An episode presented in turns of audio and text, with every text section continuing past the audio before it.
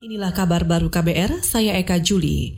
Saudara Menteri Kelautan dan Perikanan Edi Prabowo menangkis tudingan mengistimewakan pihak tertentu terkait izin ekspor benih lobster atau benur.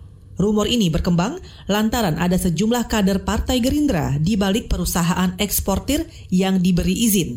Di antaranya Bahtiar Sebayang dan Hasim Joyo Hadikusumo. Masalah siapa yang diajak Pak Ketua kami tidak membatasi dia harus perusahaan, koperasi boleh, tapi kami tidak bisa menentukan siapa. Siapa yang mendaftar, kita terima dan terus verifikasi. Sampai hari ini sudah ada 31 perusahaan yang sudah kita verifikasi Pak Ketua, yang diumumkan ada 26 dan kita terus berkembang. Menteri Kelautan dan Perikanan Edi Prabowo juga membantah beberapa pandangan tentang kerugian ekspor benur.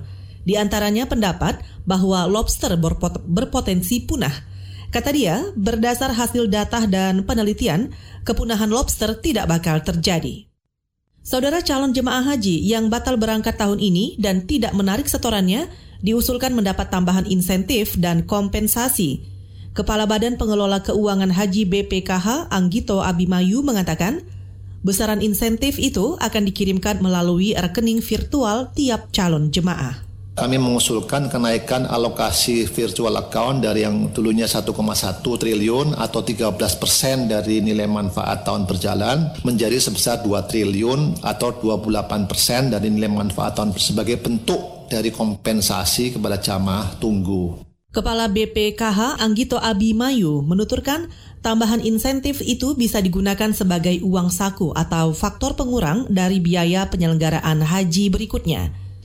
Sementara itu bagi calon jemaah yang memiliki memilih menarik setoran, maka BPKH atau Badan Pengelola Keuangan Haji berjanji bakal segera mengembalikan dana itu. Kita ke mancanegara.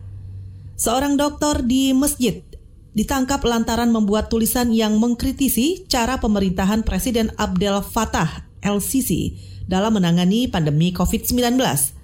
Dikutip dari CNN, Dokter tersebut ditangkap aparat di rumahnya usai mengunggah tulisan tentang minimnya alat pelindung diri bagi tenaga medis. Penangkapan ini bukan pertama kali terjadi. Setidaknya ada 10 dokter dan 6 jurnalis ditangkap sejak laporan pandemi COVID ditemukan di Mesir Februari lalu. Sejumlah tenaga medis mengaku diperingatkan untuk tetap diam atau bersiap berhadapan dengan hukum. Penularan COVID-19 di Mesir mencapai di atas 76 ribu kasus dan lebih 3.300 kematian. Saudara demikian kabar baru, saya Eka Juli.